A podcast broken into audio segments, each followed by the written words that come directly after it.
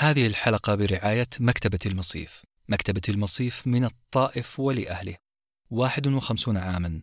شركاء النجاح في التعليم. المكتبة المتخصصة في الكتب والمصادر الأكاديمية والجامعية. مرحبا. هذا ساندويتش ورقي.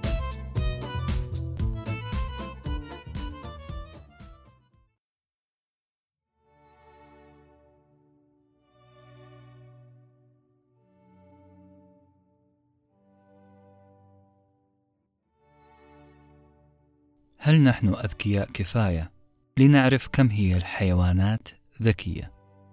مساء الخير كان هذا عنوان كتاب أهداه لي صديقي طبيب الأسنان أصر علي أن أقرأه وأكد أنه كتاب يستاهل ياخذ من وقتي الشيء الكثير ولما سألته أنت قرأت الكتاب؟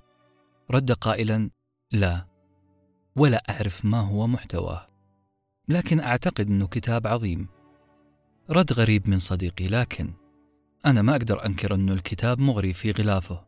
صورة فهد مرقط يقف على قدمين وينظر للعالم نظرة شخص صاحب هدف.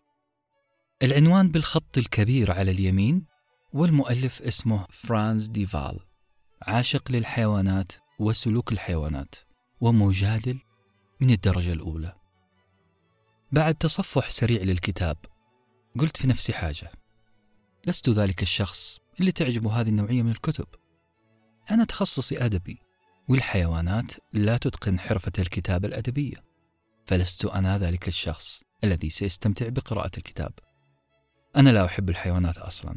أليفها ومتوحشها. علاقتي بالحيوانات لا تتعدى أنها مصدر للبروتين والحليب.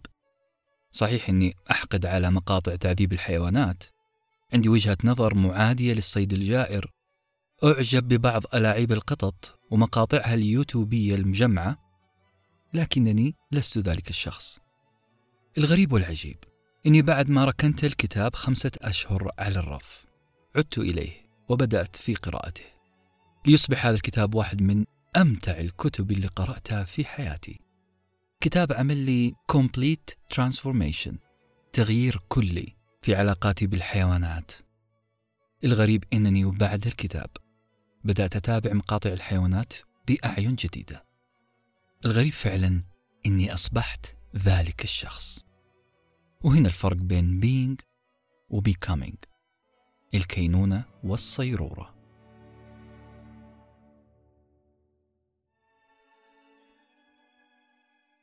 نعتقد كبشر إننا كائنات يعني إحنا شيء ثابت باقي على حاله beings بينما من المفترض أن نسمي أنفسنا صيرورة becomings.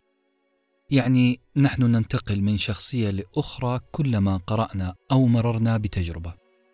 كل تجربة من التجارب اللي نمر فيها تحولنا إلى شخص جديد. مثلا في جلسة أصدقاء طرح علينا السؤال كان هذا السؤال بخصوص كيف كانت رحلتكم لبريطانيا؟ جاوبت أنا بريطانيا شيء عجيب. قرية بعدها قرية بعدها مدينة. بريطانيا عبارة عن مجموعة مراعي وبرك زرقاء لامعة كأنك تشاهد سطح المكتب في ويندوز. وطبيعي يكون هذا جوابي، لأني قضيت معظم رحلتي من قطار في قطار، وكان هذا أكثر شيء شفته من شباك القطار. مجموعة مراعي وبرك زرقاء لامعة. صديقي الثاني وصف بريطانيا بأنها دولة مزدحمة مقرفة. طبيعي، كان يملك سيارة كان يتمشى بهذه السيارة في لندن المزدحمة. صديقي الثالث لا. قال هي دولة رتيبة. أهلها منكمشين على نفسهم ولديهم حشرات غريبة زي العنكبوت ذو الأرجل الطويلة. ورأي صديقي الثالث طبيعي لأنه سكن في قرية جنوبية هادئة مشهورة بالعنكبوت ذو الأرجل الطويلة. لاحظوا شيء في إجابتنا إحنا الثلاثة. لاحظوا أن وسيلة تنقلنا غيرت نظرتنا ورأينا وسلوكنا تجاه بريطانيا. وهذا شيء طبيعي. لأنه وكما قال العالم هايسنجيرغ الحياة أو الطبيعة ليست كما نراه فعلا بل ما سمحت لنا طرق البحث أن نراه. ركزوا على هذه المقولة. مهمة لأنها عنصر محوري في الكتاب ومهمة لنا في حياتنا الاجتماعية. المقولة مرة ثانية تقول الحياة ليست كما نراه فعلا بل ما سمحت لنا طرق البحث أن نراه. راح نستفيض في الكلام عن هذه النقطة وإحنا ماشيين في الكتاب. اربطوا الأحزمة واستعدوا. العبارة اللي التو ذكرناها عبارة ما تراه ليست الدنيا بعينها ليست الطبيعة فعلا لكن ما نراه هو الدنيا كما تتيحه لنا طريقة البحث اللي اخترناها. جملة قد تغير طريقة تفكيرك للأبد. أنا وأصدقائي الثلاثة حكمنا على بريطانيا من خلال وسيلة التنقل وسيلة البحث اللي استخدمناها. اللي استخدم القطار واللي استخدم السيارة واللي استخدم أقدامه. كل واحد حكم على بريطانيا من خلال ما يراه. إذا حكمك على الطبيعة حكمك على الشيء هو وجهة نظر. تعتمد بالدرجة الأولى على ما هي الطريقة التي استخدمتها للبحث عن هذا الموضوع أو هذا الشيء. هذه الجملة قد تغير طريقة تفكيرك للأبد. جملة اختارها عالم سلوك الحيوانات ومؤلف كتابنا اليوم الهولندي فرانز ديفال. اختارها عشان تكون افتتاحية كتابه. جملة تهزنا من أكتافنا بعنف وبنبرة تهديد وتقول لا تزعم بأنك ترى الحقيقة. أنت فقط ترى زاوية منها. وبما أننا قبل شوية تكلمنا عن صديقي الذي يخاف من العناكب خلوني أحكيكم قصة حقيقية حصلت له. استيقظ صديقي من غفوة لذيذة. استيقظ هذا الصديق وهو يحس بألم في قدميه. مو بس أقدامه بل حتى ظهره ثقيل جدا بشكل مزعج. أنفاسه كذلك. تصدر فحيحا عجيبا. والغريب أنه يفتقد سعاله المتواصل السعال المعتاد كل صباح. في شيء متغير. هذا الشيء اللي كان يدور في بال صديقي. في شيء متغير لأنه عندما تحسس قدميه وجدها ناعمة ملساء كأنها رجل طاولة خشبية. بل هي فعلا خشبية. بشكل طبيعي وفطري انطلق صديقي يتفحص وجهه في المرآة ويا لهول الموقف. صديقي اكتشف المفاجأة. اكتشف إنه استيقظ كحشرة. نعم روح صديقي انتقلت لجسد حشرة. آسف على كذب البيضاء. ما كانت هذه القصة لصديقي بل هي المشاهد الافتتاحية لرواية المسخ الرواية اللي كتبها الألماني فرانز كافكا عام 1915 كافكا استعرض في هذه الرواية بقلمه الرشيق حالة إنسان يعيش ظروف كائن آخر يعيش في جسد كائن آخر لكن خلوني أسألكم هل في رأيك أنه سهل أن نعيش في جسد غير جسدنا؟ تخيل روحك دخلت جسد كائن آخر كيف راح تكون الحياة؟ ممتعة؟ ولا هي فكرة مخيفة؟ يعني ماذا لو انتقلت روحك لجسد عنكبوت مثلا؟ هل التنقل بخفة من جدار لآخر هي فكرة تستحق معاناة التخيل؟ هل ستجد العالم أحلى لو كانت فتافيت الخبز على الأرض بمثابة جبال بالنسبة لك بينما تتحول خيوط الموكيت وكأنك في حقل ذرة كبير؟ خيال غريب من كاتب غريب يعتبر كافكا من أوائل من كتب ببراعة فكرة التقمص أخذنا كافكا في نزهة خيالية بعين وروح حشرة نزهة مشابهة للنزهة اللي حيأخذنا فيها فرانز ديفال مؤلف كتابنا اليوم هذا الكتاب اللي بعنوان هل أنت ذكي كفاية لتقييم ذكاء الحيوانات؟ لكن لأقرأ كتاب عن علم سلوك الحيوانات هل سيقدم لي أي فائدة عملية؟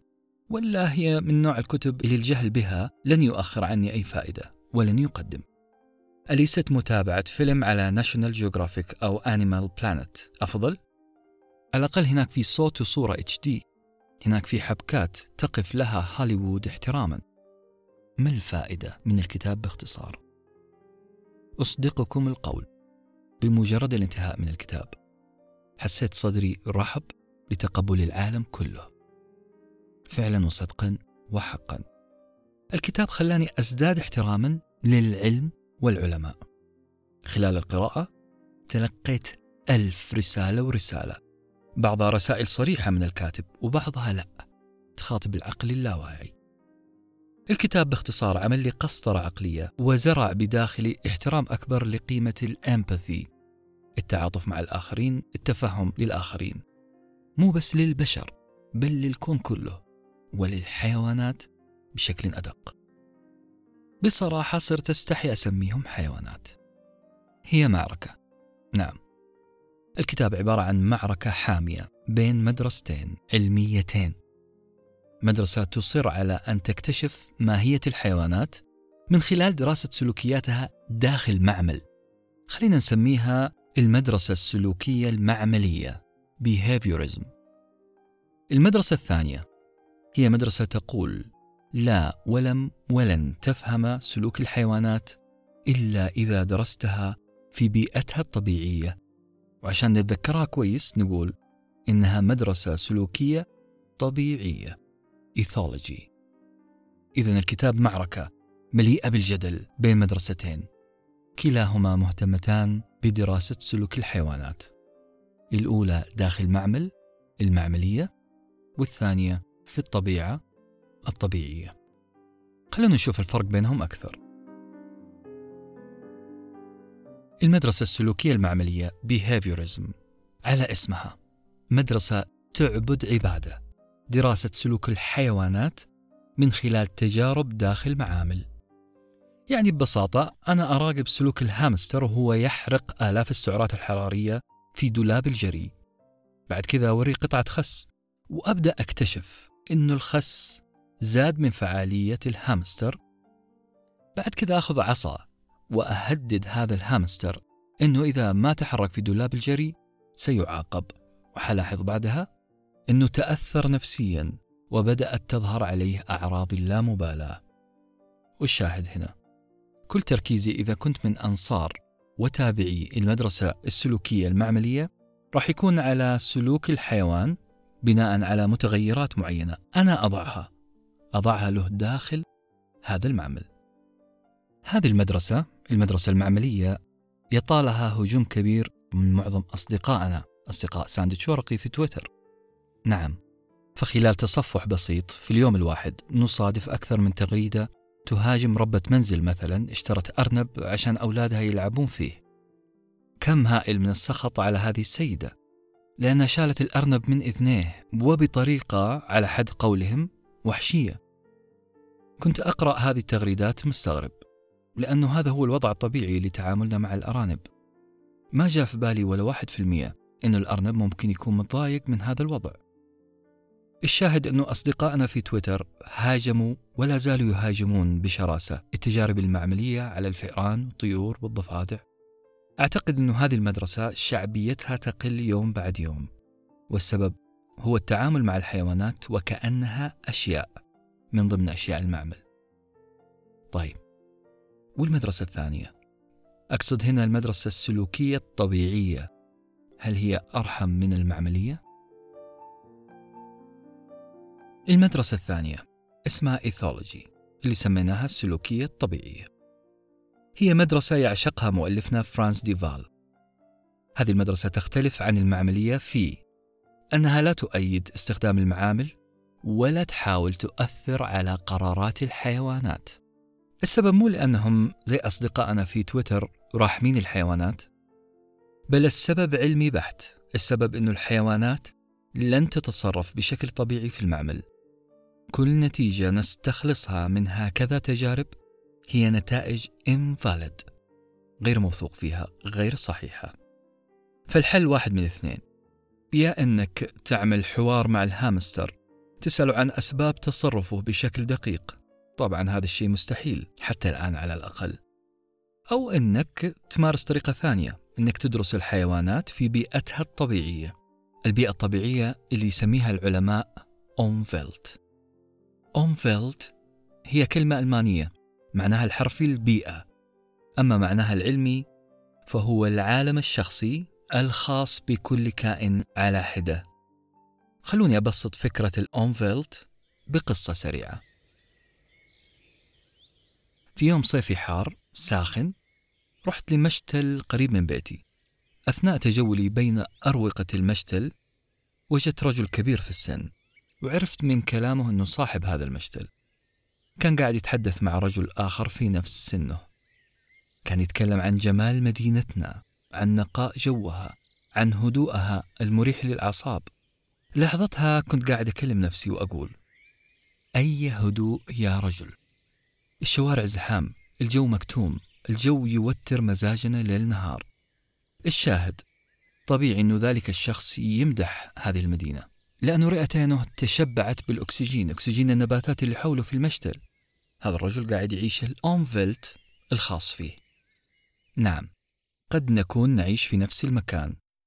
ولكن كل واحد فينا له عالمه الخاص داخل هذا المكان.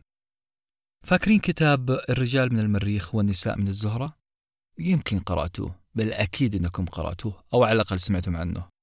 هذا الكتاب كان يحاول إقناع كلا الجنسين الذكور والإناث بأن عوالمهم مختلفة طريقة تفكيرهم مختلفة. الرجل مثلا ينظر للسقف فتقلق زوجته وتقول أكيد مل مني. بينما الرجل في تلك اللحظة كان يستكشف بكل براءة كيف تقف الذبابة رأسا على عقب في سقف الغرفة. أنا مو بس مقتنع بهذا الكلام. أنا كمان مقتنع بأنه داخل مجتمع الذكور وداخل مجتمع الإناث نفسه توجد انقسامات بحيث أن لكل فئة من الذكور عالمهم الخاص وكل فئة من الإناث عالمهن الخاص. الدليل. دليل أنه في تنمر عجيب. في وسائل التواصل الاجتماعية في تنمر وإقصاء عجيب نشوفه في تويتر فيسبوك إنستغرام.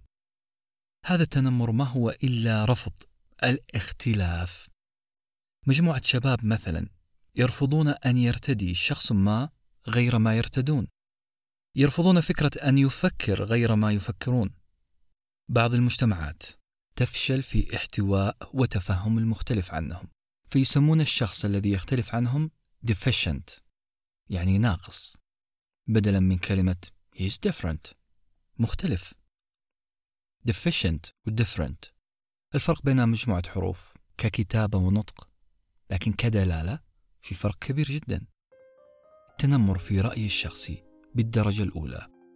هو فشل مجموعة من الناس في رؤية العالم الذي تعيشه المجموعة الأخرى. هذه واحدة من حسنات كتاب اليوم إذا سألتوني عن حسناته. الكتاب قسطرة عقلية. ستفهم فيها فكرة العوالم المختلفة.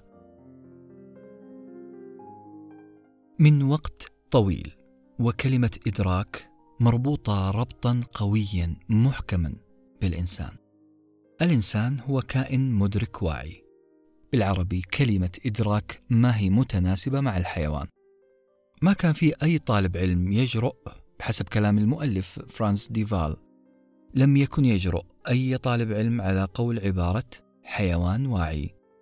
كانت تعتبر وكأنها oxymoron يعني كلمتين متضادتين في المعنى المفروض ما تجي مع بعض. السبب بسيط. تاريخيا الحيوان هو عبارة عن ردات فعل لمثيرات. كلما كررت المؤثر كلما حرضت الحيوان. على عمل سلوك معين. يعني الفيل اللي يرقص في السيرك.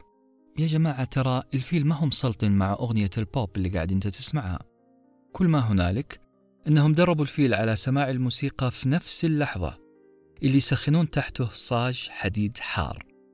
ترى الفيل يتقافز ألما لا طربا.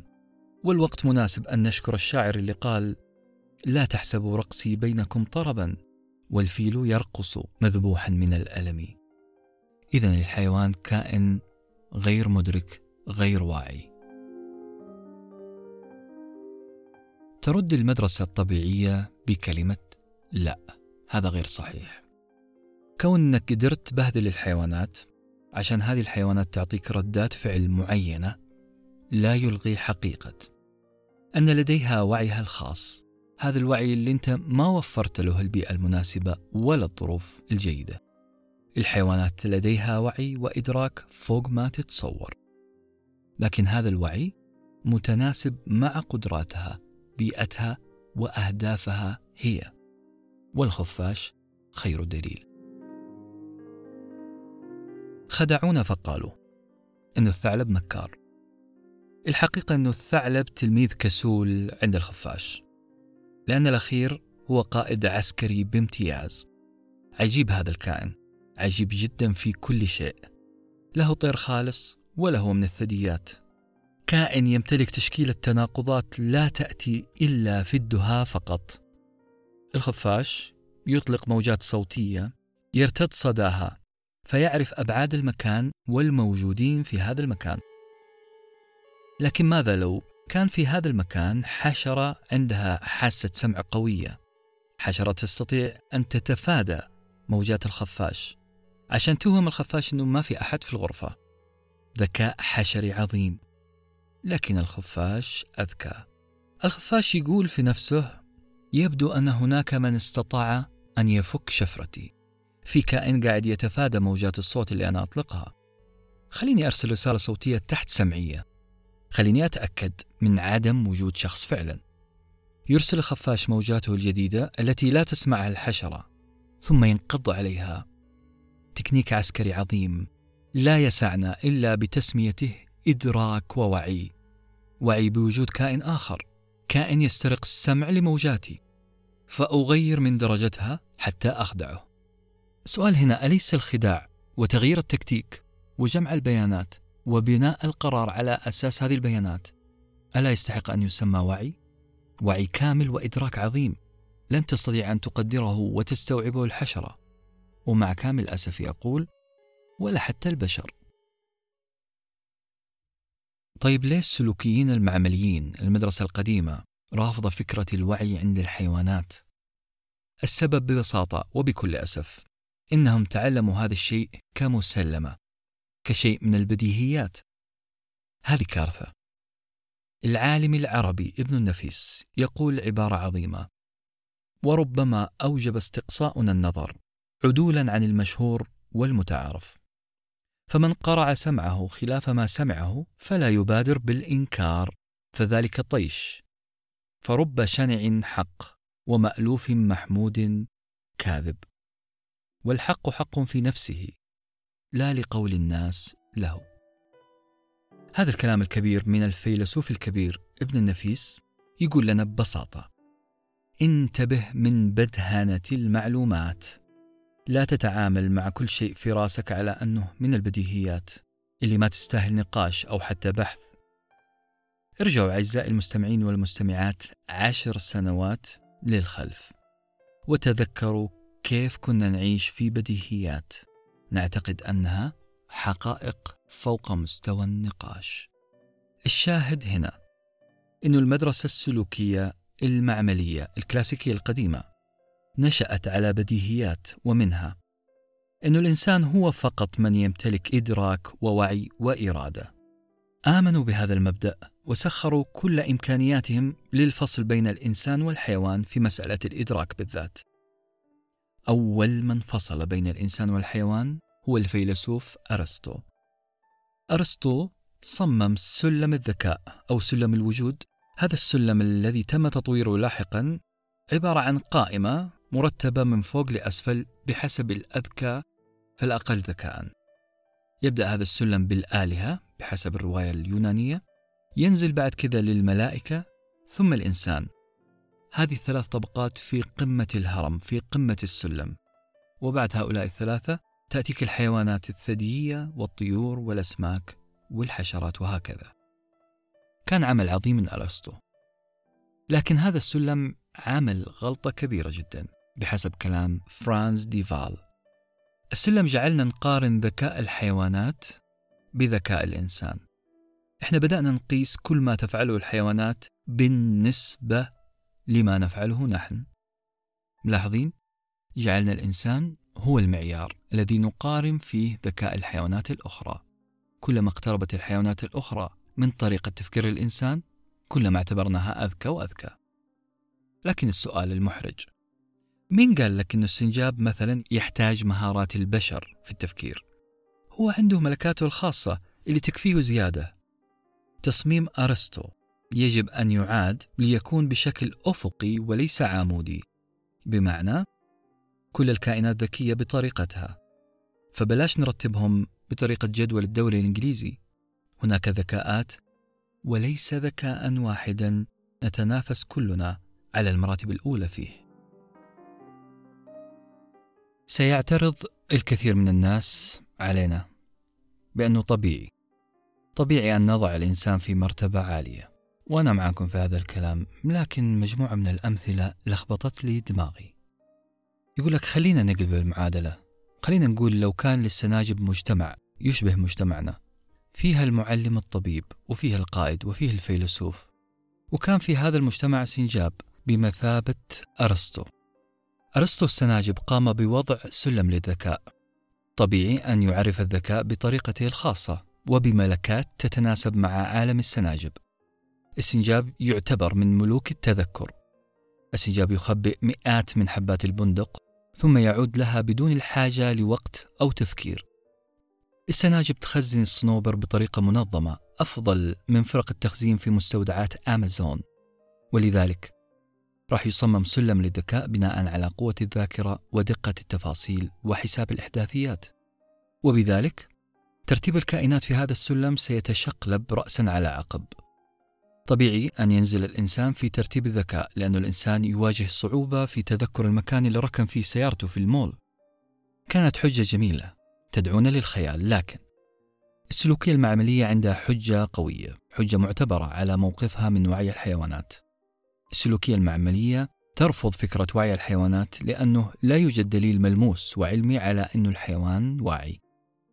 كل ما يوجد هي مجموعة قصص. تجارب غير رسمية أجراها مهوسو علوم السلوك العاطفيين المحبين للبراري والقفار. وهنا يتدخل مؤلف الكتاب.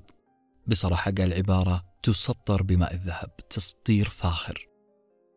يقول غياب الدليل ليس دليل على الغياب.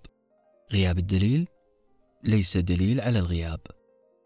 هو يقصد أنه عدم وجود دراسات تثبت وعي وذكاء الحيوانات لا يعني عدم وجود ذكاء عند الحيوانات.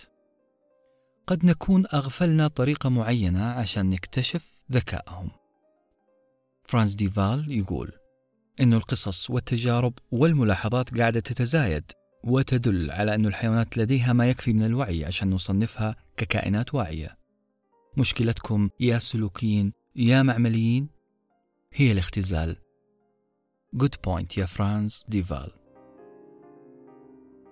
اختزال بالعربي أصلها من الخزل الخزل هو التفكك في المشي يعني مشي في تقطع ما في انسيابية كأنك خايف من شيء أمامك على الأرض عارفين معلقة الأعشى اللي تبدأ ب ودع هريرة إن الركب مرتحل وهل تطيق وداعا أيها الرجل؟ هنا الأعشى يودع فتاة اسمها هريرة ويصفها بأن كأن مشيتها من بيت جارتها مر السحاب لا ريث ولا عجل ملء الوشاح وصفر الدرع بهكنة إذا تأتى يكاد الخصر ينخزل. ينخزل معناها إذا مشت هريرة تمشي بتثني وغنج فيكاد خصرها النحيل أن ينخزل أي ينقطع. عجيب وصفك يا أعشى. الشاهد هنا أنه اختزال يعني اقتطاع أو انقطاع. والاختزال الذي يحذر منه كاتبنا هو اختزال أو اقتطاع دوافع الحيوانات في سبب واحد. مشكلة السلوكيين المعمليين إنهم اختزلوا دوافع الحيوانات في الحصول على جائزة كالأكل مثلا أو خوف من العقاب كالكهرباء. أما الحب والتسلية والرحمة والوعي لا لا لا. هذه كل الأشياء بحسب نظرة المعمليين ليست دوافع محركة للحيوان. الحيوان لا يتصرف بشرف بل بدافع الجوع. لا يلعب بل يبحث عن جائزة. لا يقلد بوعي بل يخاف من العصا فقط. هذا هو الاختزال الذي يحذر منه ديفال. اختزال دوافع الحيوانات في مجموعة عمليات حيوية أساسية فقط. السلوكية المعملية. تعرف كيف ترد على أي ادعاء. فهي تمتلك أسلحة أخرى فتاكة. فبرغم كثرة القصص التي تؤكد وجود وعي عند الحيوانات وجود ذكاء عند الحيوانات يتعدى أحيانا ذكاء الإنسان إلا أنهم يعتبرونها مجرد قصص قصص للتسلية. السلوكية المعملية سطرت بالقلم العريض عبارة تخرس كل ناقد لها. عبارة تقول يا ناس جمع كلمة قصة ليس بيانات بل قصص. The plural of story is not data, it's stories. المعنى هنا أن العلم لا يعترف بالقصص المروية لأنها تبقى مجرد قصص. حتى لو تكدست القصص التي تثبت ذكاء الحيوانات لا يجوز أن نسميها بيانات علمية. هي تبقى قصص. جميلة جدا العبارة. جمع قصة ليس بيانات بل قصص. وهذا الشيء اللي يحترم في العلم. لكن السلوكية المعملية تطرفت في التركيز على الظاهر وأغفلت الباطن. أغفلت ما يحدث داخل العقل وكأنهم يقولون لعبة الباطن ما هي لعبتنا إحنا لنا بما تراه أعيننا. تمادت هذه المدرسة في دراسة الحياة البشرية والحيوانية طبعا على أساس أنها مؤثر وسلوك. أغفلت التجربة الشخصية الانطباعات الشخصية. السلوكية المعملية حولتنا لمراقبين للسلوك فقط. فرانس ديفال وصفها بطريقة مضحكة قال المدرسة السلوكية المعملية ركزت كثير على السلوك الظاهر بشكل مبالغ فيه وكأننا أنا وأنت كأننا جالسين نشرب قهوة وبعد أن تنتهي أنت من شرب القهوة أقول لك قهوتك كانت رائعة ما رأيك في قهوتي؟ متخيلين الوضع؟ بدل ما أستطعم أنا القهوة أبدأ في الحكم على طعم القهوة من خلال المؤشرات اللي هو يعطيني إياها إذا ابتسم إذا القهوة رائعة. ملاحظ عزيزي المستمع والمستمعة مدى التركيز على السلوك الظاهر لدرجة إني أحكم على القهوة مو من رأيي الشخصي بل من ردة فعلك أنت. ألا تعتبر هذه نظرة قاصرة تهتم بالشكل فقط؟ بصراحة نعم. لنزيد الطين بلا. السلوكية المعملية. استطاعت أن تفرض نفسها على الساحة بقدرتها على التلاعب اللغوي. هي مدرسة تخترع المفردات وتلعب في دلالاتها بطريقة عجيبة، طريقة تدعم موقفها ورأيها. يعني إيش دلالة المفردات؟ دلالة المفردات يعني الكلمة عادة تدل أو لها دلالة على شيء ما. فشجرة مثلا هي دلالة على جذع بني تعلوه فروع خضراء. لكن الشيء الجديد هنا أنه دلالات الكلمات ممكن تتغير مع الوقت وأبسط دليل عندك كلمة ثقافة بالعربي. ثقافة يعني حد أو سنة. تثقيف الرمح هو حد الرمح.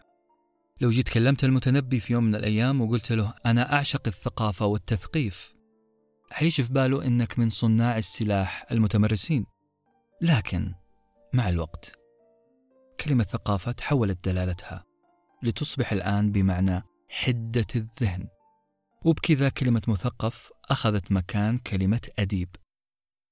طيب ماذا فعلت السلوكية المعملية بالكلمات ودلالاتها؟ المؤلف ضرب مثال جميل عن مفردة التقليد imitation.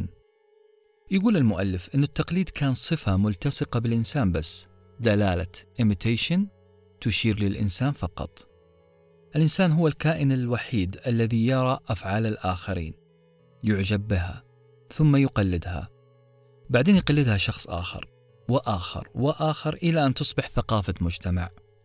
هذا الاعتقاد تم ضربه ضربا مبرحا عندما أثبت أن الحيوانات أيضا تقلد أن الحيوانات بإمكانها أن تصنع ثقافة. مثلا قرود الكابوتشين. هذه القرود ما كانت تعرف كيف تتعامل مع المحار إلى أن اكتشف واحد من أفراد هذه القردة. اكتشف أنه إذا ضرب المحار في الصخر المحار راح تتعب عضلاته وبالتالي يستطيع أن يفتح الصدفة ويلتهم ما بداخلها. قرد كابوتشين آخر شاف هذا اللي حصل. شاف قرد يضرب الصدفة في الصخر ويلتهم ما بداخلها فقلده. ثالث ورابع وخامس قلدوه إلى أن أصبح ضرب المحار في الصخر ثقافة مجتمع كابوتشيني. بالعربي الواضح نقول دلالة كلمة imitation لم تعد خاصة بالإنسان بل شملت كذلك الحيوانات لأن الحيوانات تقلد. الآن انحرق كرت من كروت المعمليين. السلوكيين المعمليين بدأوا استخدام لفظة جديدة لفظة خاصة بالإنسان وهي لفظة التقليد الحقيقي true imitation. وقالوا أن التقليد الحقيقي هو تقليد الرغبة لا يمارسه إلا الإنسان. هو تقليد متعمد مو حافز دنيء مثل الحيوانات. الإنسان يقلد عن قناعة كاملة عن إيمان كامل وبدافع أسمى من الحيوانات. بهذه الطريقة استطاعت المدرسة المعملية أن تستخدم اللغة كسلاح في معركة انتصروا فيها مؤقتا. ملاحظين خطورة التلاعب في دلالة الكلمات واختراع الكلمات. خلونا نرفع سقف الصراحة شوية. خلينا نرفعه لأعلى مستوى ونقول للأسف اللعب باللغة لا يستخدم مع الحيوانات فقط بل حتى البشر. تستخدم اللغة لإقصاء البشر. تستخدم اللغة لشيطنة البشر. فكر شوية في ظاهرة نحن وهم. نحن وهم ضميران يشيران لمجموعتين المجموعة الأولى نحبها اسمها نحن. ومجموعة أخرى ما نحبها اسمها هم كيف أقدر أكون هذه المجموعتين نحن وهم؟ ببساطة أنا أضع شروط عضوية لمجموعة نحن يعني نحن هي مجموعة بشرتها لونها كذا لهجتها كذا لبسها وتقاليدها كذا وكذا أي خروج عن هذه الشروط ستنطبق عليك عضوية هم ملاحظين الخطورة؟ هذا وإحنا فقط نتكلم عن نحن وهم عن ضميرين بس. فما بالكم بملايين المفردات التي تجعلنا نقسم بعضنا كل يوم؟ اللغة ومدلولاتها سلاح فتاك. بعد هذا الموشح الطويل ضد السلوكية المعملية وبعد ما وصلت لكم فكرة كيف أنه كتاب عن سلوك الحيوانات قد يمرر لنا رسائل حياتية نفسية اجتماعية وحتى فلسفية. خلوني أعترف أنه هذا البودكاست تم اختزاله اختزالا مرعبا من قبلنا طبعا. نحن لم نريكم من الكتاب إلا قمة الجبل الجليدي فقط. وتركنا باقي الجبل مطمور تحت البحر لوقت لاحق على الأقل. تركنا مرافعات طويلة للمؤلف فرانس ديفال. عن وعي الحيوانات حاول يثبت فيها أن الحيوانات تتصرف بوعي ونية وإرادة. ذكر فيها مثلا أن الشمبانزي يتزين أمام المرآة فهي تعي بذاتها وتفهم ما هو التجمل. الحيوانات تستخدم أدوات بل تعيد توظيف الأدوات بطريقة خلاقة تفهم ما هو الابتكار. الحيوانات تمتلك ثقافة تفهم الآخر وتتعاطف معه. الحيوانات تتعامل مع مفهومي الماضي والمستقبل بشكل مذهل يعني عندها وعي بالزمن. الحيوانات تلعب لأنها تحب اللعب وليس لسبب آخر. لذلك قرروا لنا إن كان تخصيص حلقة طويلة جدا لهذا الموضوع يستاهل أو لا. اعطونا خبر على هاشتاج ساندويتش أندرسكور ورقي.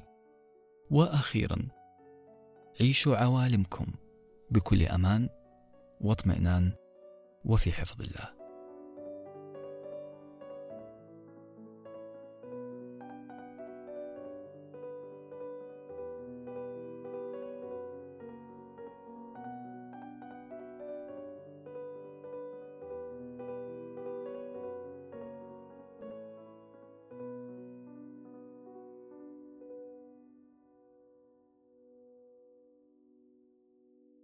كنتم مع ساندويتش ورقي. وجبة معرفية نتشارك لذتها.